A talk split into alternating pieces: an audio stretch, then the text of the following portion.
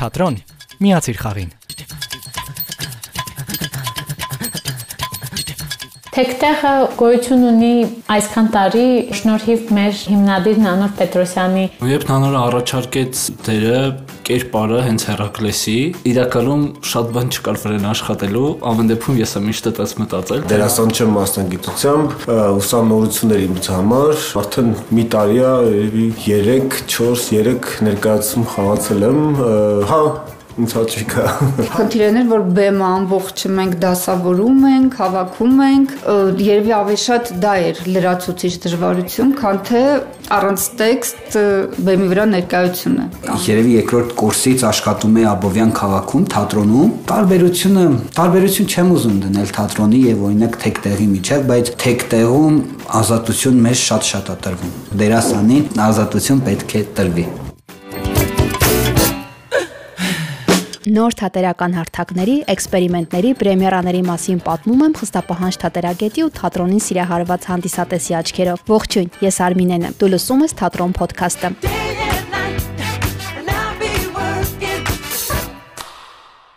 Գյուղում առավոտները սկսվում են թռչունների ձայնով, մեղմ քամով, պատուհանից ներս ընկնող արևի շողերով ու ամենակարևորը՝ ռադիոթատրոնով։ Մանկությանս ամենասիրելի հիշողությունը ռադիոյից հնչող այդ ձայներն էին։ Կարելի է ասել, այդ ժամանակ սկսեցի սիրել թատրոնի կախարդական աշխարհը։ Ոչինչ չես տեսնում, բայց ամեն ինչ զգում ու պատկերացնում ես։ Օրեր առաջ տեղի ունեցավ Նանոր Պետրոսյանի բեմադրությամբ Հերակլեսը եւ Ավգյան ախորները ռադիոթատերգության առաջնախաղը։ Եթե դերակատարները չլինեին ու չստիպեին անթարթ աչքերով նայել, թե ինչ է կատարվում բեմում, ուղակի կփակեի աչքերս ու կվերադառնայի մանկություն։ Դե ինչ, այսօր կխոսեմ Թեկտեղ թատերախմբի եւ ռադիո թատերգության մասին։ Կպատմեմ ինչու ռեժիսորը բեմադրեց այս պիեսը, ովքեր են դերակատարները, արդյոք ունեն թատերական կրթություն, ինչ խնդիրներ ունի թատրոնն այսօր եւ ոչ միայն։ 2012 թվականին Ֆրանկ Ռամեի եւ Դարիո Ֆոյի բռնաբարություն պիեսի բեմադրությամբ Երևանում բացվեց Թեկտեղը, որպես փորձարարական, արվեստային, ոչ ֆորմալ կրթության վրա հիմնված թատրոն։ Այն իր տեսակի մեջ միակն է ու տարբերվում է պետական թատրոններից թե ձևաչափով, թե մոտեցումներով, թե խնդիրներով։ Թատերախումբը չի ֆինանսավորվում պետության կողմից եւ այն ամենն ինչ արվում է կարելի է ասել կամավորության սկզբունքով է։ Այնտեղ կարող եք դիտել փողոցային խաղերից մինչև քաղաքական կատակաբանություններ, իմպրովիզացիոն պատկերներից մինչև հայ արդի եւ ոչ այդքան հայտնի հեղինակների ընթերցանություններ ու բեմադրություններ։ Բացի այդ, վերջին տարիներին նրանք կազմակերպում են թատրոնի պատմության բացահայտմանը միտված ցուցահանդեսներ, անդամակցում են տարբեր միջազգային թատերական կառույցների հետ եւ այլն։ Հիմնադիր Նանոր Պետրոսյանն ասում է. «Մենք զբաղված ենք մի բանով, որ շատ քչերն են անում։ Մենք հարցականի տակ ենք դնում թատրոնի ինչ լինել է եւ մեր ներկայացումները լինեն դրանք հաջողված թե ոչ, եթե չբեմադրվեին մեր կողմից, ապա կարծում եմ Հայաստանում երբեք չէին բեմադրվի, հատկապես նման ձևաչափով»։ Թատրոնի համահիմնադիր օգնական դերասան Արևիկ Հակոբյանը այս էպիզոդը ձայնագրելիս Հայաստանում չէր, բայց միևնույն է կարողացա զրուցել նրա հետ։ Թեկտեղը գոյություն ունի այսքան տարի շնորհիվ մեր հիմնադիր Նանոր Պետրոսյանի энտուզիազմի եւ նաեւ մեր ողջ թատերախմբի ներգրավվածության։ Այս պահին Թեկտեղը գործում է նփակում։ Փակը մեզ հյուրընկալել է եւ տրամադրել է իր բեմը, դա շատ ընկերական լավ հավագործակցություն է եւ մենք շատ շնորհակալ ենք հիմնադիրներին եւ ղեկավարներին։ Թեկտեղը ուներ իր ստուդիան, իր հարթակը, որը ցավոք սրտի մենք կորցրեցինք համաճարակի ժամանակ, բայց հույս ունենք, որ ունենանք շուտով մեր բեմը, բայց դա երևի բնորոշ է բոլոր թատերախմբերին, իսկ թեկտեղի պարագայում յուրահատուկը այն է, որ մեր թիմում ցանկացած նախագիծ դա մի մեծ արարչական աշխատանք է, որովհետև մենք բոլորս միշտ անում ենք մեր սահմաններից ավելին, քանի որ ունենք սահմանափակ աշխատուժ, մենք երբեմն կարող ենք վերցնել ձեռքներս մուրճ ու սկսենք բեմի հարդարանք սարքել, հետաքրքիր լուծումներ մտածել, որպեսի հասնել ինչ որ վերջնական տատակին, բայց մինիմալ ռեսուրսներով։ Մի խոսքով այդ ամենը երևի մեզ բոլորիս համախմբում է։ Մեր խաղացանքը մի շատ բազմազան է։ Մենք կարողանում ենք ընդգրկել եւ ժամանակակիցը եւ ավանդականը եւ անհայտը եւ այս ժանրերի ու թեմաների բազմազանությունը պայմանավորված է ոչ թե նրանով, որ մենք ճունենք հստակ գիծ կամ հստակ ուղղվածություն։ Ուղղակի մեր կարծիքով թատրոնը այսօր շատ խոսուն է, բազմազան է եւ մենք փորձում ենք այդ բազմազանությունը նաեւ ցույց տալ մեր խաղացանկի ընտրությամբ։ Դրամատուրգ Ֆրիդրիխ Դյուրենմաթի երկիցական երբեմն ֆարսային տրագիկոմիկական թատերգությունները երկրորդ համաշխարհային պատերազմի շրջանում գերմանական թատրոնի համար առանցքային դեր են ունեցել։ Նրա ստեղծագործություններում հաճախ նկատում ենք абսուրդի, գերմանական, հունական դասական ողբերգության եւ բարձր կատակերգության տարեր, եւ այս ամենը կարող է հայտնվել մեկ ստեղծագործության մեջ։ Գրողն ասում էր. «Բեմը տեսությունների մշակման վայր չէ, այլ փորձարարության, թատրոնի պոեզիան ու էությունը զարգացնելու վայր»։ Դյուրենմաթը նշել է. «Սա իր թատերգություններից ամենապոետիկն է։ Իհարկե կցանկանայի հարցազրույց ունենալ բեմադրիչի հետ, զրուցել ներկայացման ստեղծագործական ընթացքի, դերասանների հետ աշխատանքի մասին, բայց նա չցանկացավ խոսել, ասելով. «Վերջին շրջանում հարցազրույցներ չի տալիս եւ այն ինչ ցանկանում էր ասել, ասել է բեմադրության մեջ»։ Ինչպես իրենք են ազատ թողնում իրենց դերասաններին, ես էլ նույն կերպ վարվեցի, չհամոզեցի։ Պարզապես վերցրի ձայնագրիչս ու գնացի կուլիսներ, հուզված դերասանների հետ խոսելու։ Առաջինն ում հանդիպեցի Հերակլեսի դերակատար Գեգամ Սուքիասյանն էր։ Նա մասնագիտությամբ լուսանկարիչ է։ Երբ նա նոր առաջարկեց դերը կերպարը հենց Հերակլեսի, իրականում շատ բան չկար վրան աշխատելու, ամեն դեպքում ես եմ միշտ այդպես մտածել, թե նանորը ինչ կասի այդ ոնց որ գիկի բանա որպես ռեժիսոր ու որպես մասնագետ, բայց իրականում երբ ասեցին Հերակլեսի ներկայացումը, ես ես մտածում էի տենա սիմնարնելու Հերակլեսը։ Ու եղավ Այդ իրականում շատ ուրախ պահ էր։ Ես շատ լուրջ պահեցի, ծանր, որ սենց բան էլի բայց իրականում ուզում էի որ Հերակլեսը ես լինեի ու եղավ ու շատ բան պետք չէր անել չգիտեմ իմն ա եղել ասած պրոստը վերցրել եմ, հակել եմ ու ստացվել է։ Ձայնագրությունները առանձին են կանում, իսկ բեմադրությունը առանձին ինձ թվում է այս ներկայացման եւ լավ եւ դժվար կողմը հենց այդ էր, որ երկու տարբեր առանձին գործիքներ աշխատում, այսինքն պատկերը, որը որ լրիվ առանձինա ձայնից։ Իսկ այս դեպքում աշխատանքը դժվար էր, որովհետեւ երկու տարբեր կողմերի վրա ենք աշխատում՝ ձայն ու կերպար, որը որ տեսնելու են արդեն բեմում։ Թեք տեղում ես ինձ շատ կոմֆորտ եմ զգում որպես դերասան երբ աշխատում ես պրոֆեսիոնալ թիմի հետ, քո ոչ կրթությունը, ասենց ասեմ, այդ բացը օգնում են ու փակում են ու այդ ավելի հետաքրքիր է, քան կարող է հիմա շատերը ինձ ասեն, որ սխալ ասում, բայց իրոք կարող համարսարանում ես այս ամեն ինչը չստանայի։ Ստեղ համ աշխատանքային փորձ է, համ միանգամից ուսում, համ ամեն ինչ մի տեղ է։ Ես ինձ չեմ ուզում ասեմ թույլ օղակ եմ զգում, բայց ես զգում եմ, որ իմ գոլեգաներից շատ բան եմ սովորելու ու իրանք ինձ իրոք օգնում են դրանում ու շատ-շատ։ Տիգրան Ալեքսանյանը տնտեսագետ է, բայց չի աշխատում մասնագիտությամբ։ Երաժշտություն է գրում ու հենց դրա շնորհիվ հայտնվեց թեկտեղում։ Նանորին շատ շուտվանից եմ ճանաչում, 10 տարուց ավել արդեն։ Նանորը ինձ առաջարկեց փոքր ներկայացման համար երաժշտություն գրեմ եւ երաժշտական ձևավորում անեմ ու այդպես սկսեցի համագործակցել թեկտեղ հետ, այսինքն նաև արդեն թեկտեղ թատրոնի անդամ եմ ու զբաղվում եմ այստեղ սկզբում երաժշտություն էի գրում եւ ձայնային ձևավորում եմ, բայց հիմա նաեւ սկսել եմ խաղալ, այսպես շատ դուրս եկավ, ես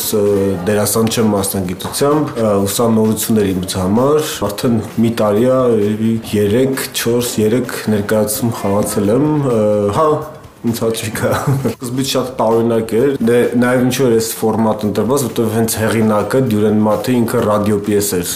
գրել, այսինքն սա պետքա լսվի, հա ըստ էության բեմադրելուն շատ հարմար չէ, տեղից էլ երևի շատ հնարքներն ու մնացած բաները որ տեսակ բեմին, բայց իրականում դժվար է, բայց ամեն օր եթե նույն աշխատանքը արդեն սովորական է դառնում, ու ըստ էության մեր ձայներից մենք ամեն մեկս խաղում ենք մեր ձայնի տակ ու մի քիչ տենց գոնե կապ ունենք խոսքի հետ։ Միշտ ինչ որ լարվածություն կա, ինչքան էլ պատրաստ ես կամ կարծում ես պատրաստ ես, պրեմիերայից առաջ կամ ամեն ներկայացումից առաջ միշտ քեզ թվում է ինչ որ բան կիսատ է, այն ամեն ինչ որ հաստատ էր քեզ թվում ինչ որ սկսում ես կասկածել, հա, բայց որ բարձանում ես բեմ արդեն այդ լրիվ կորում է ու տալիս ես այն ինչ որ կարաս։ Ներկայացման մեջ խաղում են նաև պրոֆեսիոնալ դերասաններ։ Հետաքրքիրն այն էր, որ նրանք ավելի հուզված էին։ Գայանե Բայլյանի հետ զրուցել չստացվեց։ Ասում է խոսելուց լավ չէ։ Նունե Դանիելյանի հետ կարճ, բայց խոսեցի։ Նա միանգամից 3 կերպար է մարմնավորում։ Նանորի ու Թեկտեղի հետ սա թվով մեր արդեն 5-րդ պրոյեկտն է։ Իրականում Այստեղ մի քանի նոր էլեմենտներ ավելացան մեզ համար անելու որպես դերասան, որովհետև բացի նրանից, որ մենք չենք խոսում, չէ, ես իրական որպես դերասան պերֆորմանսներ եմ շատ խաղացել, արել, ինձ մի քիչ այդ առումով կոմֆորտ էր, բայց խնդիրն էր, որ բեմը ամբողջը մենք դասավորում ենք, հավաքում ենք, երևի ավելի շատ դա էր լրացուցիչ դժվարություն, քան թե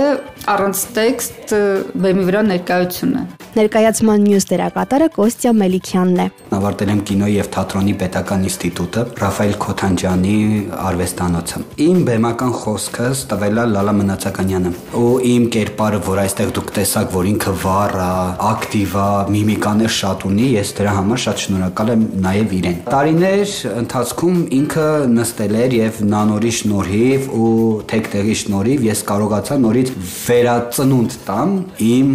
դեմքի միմիկայի միմիկային, իմ խաղին։ Դժվար է իհարկե, որ ցայնագրությունը գնում է դու մարմնի լեզվով պետք է խոսես այդ ամեն ինչի հետ, պլյուս դրան ցույց տաս այն կուլիսում սպասողի, սպասող դերասանի, օրինակ հոգեբանությունը, ռեկվիզիտը ոնց է տալիս դերասանին, այդ ամեն ինչը դժվար էր ցույց տալ, բայց մենք կարողացանք երևի անել, ըստ թվում է հա կարողացել ենք անել։ Շատ ուժեղ էմոցիաներ ունեմ հիմա,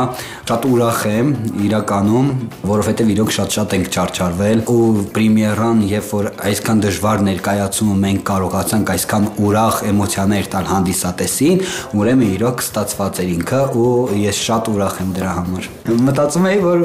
չկա տենց բան, որ չի ստացվի, ինչն էլ որ չէր ստացվում, ես իմ ձայնս գնում էի տուն, լսում էի, մտածում էի այս խոսքի տակ ինչ կարելի անել, այս խոսքի տակ ինչ միմիկա կարելի անել, հայելու դեմը պարապում էի եւ գալիս էի նանոր, ես այսենց բան եմ մտածել, ես պետքա անեմ էսի, ասում եմ դե արա տենամ, անում եմ, ասում եմ ապրես երևի երկրորդ կուրսից աշխատում է Աբովյան քաղաքում թատրոնում տարբերությունը տարբերություն չեմ ուզում դնել թատրոնի եւ օրինակ թեկտեղի միջև բայց թեկտեղում ազատություն մեզ շատ-շատ է տրվում դերասանին ազատություն պետք է տրվի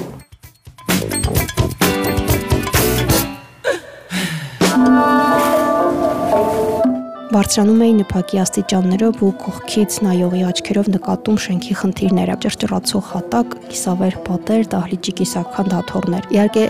սա չի խանգարում ստեղծագործողներին, բայց կարծում եմ փոքր ֆինանսավորումը կարող էր հարցը լուծել։ Վերջին տարիներին Թեկտեղը իր բոլոր ներկայացումներն այստեղ է բեմադրում, իսկ այս ներկայացումը իրականացվել է Շվեյցարիայի դեսպանատան աջակցությամբ։ Դե լավ, անջատեմ հեռախոսս, ներկայացումը սկսվում է։ Փակիր աչքերը դու պատկերացրու քեզ թատրոնում։ Տեսարան 8-րդ առաջին լուսնյակ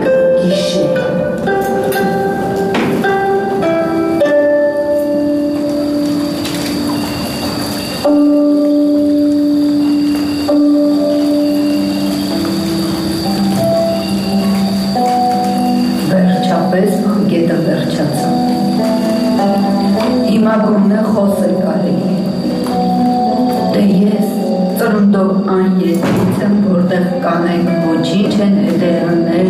ամեն ինչ։ Եվ ես հայտնվել եմ մի երկրում, որտեղ նույնիսկ հետերաները ձայն չունեն։ Օ, իմ յոթնադուր թևը։ Օ, ոսկե ամրոց կադմեը։ Ինչու դες լքեցի։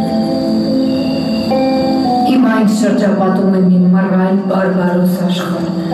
Ես անօգնական եմ, ես հուսահատված եմ, իմ հոգին լի է զարուրելի տեսիլքներով։ Ես չեմ կարողանում ձեռք ազատվել սարսափից, երբ հիշում եմ, թե ինչպես են այդտեղ սուրերի ու խոզերի հոտեր, նախիրներ խժռում, օղ ու տակառներ դատարկում։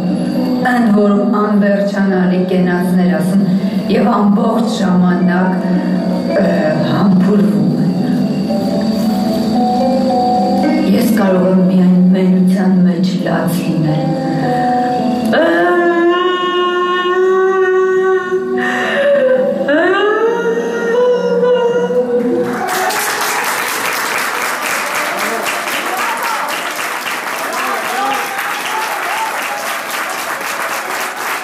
Այսօրվա էպիզոդն ավարտեմ Նանոր Պետրոսյանի խոսքերով։ Թեկտեղի հիմքում նոր բան ստեղծելու, արարելու, նորը բացահայտելու ցանկությունն է։ Այստեղ գալիս են թատրոնում խաղալ ցանկացողները ու միասին ռեժիսորի մասնակցությամբ որոշում են, թե ինչ ու ինչպես են ուզում բեմադրել։ Տոմս գնեք ու գնացեք վայելելու ներկայացումը։ Չմոռանամ ասել, թատրոն կարող ես լսել ամենուր։ Այցելին մեր կայք imradio.am կամ Apple Podcast, Spotify ու մնացած քեզ հայտնի podcast հարթակներ։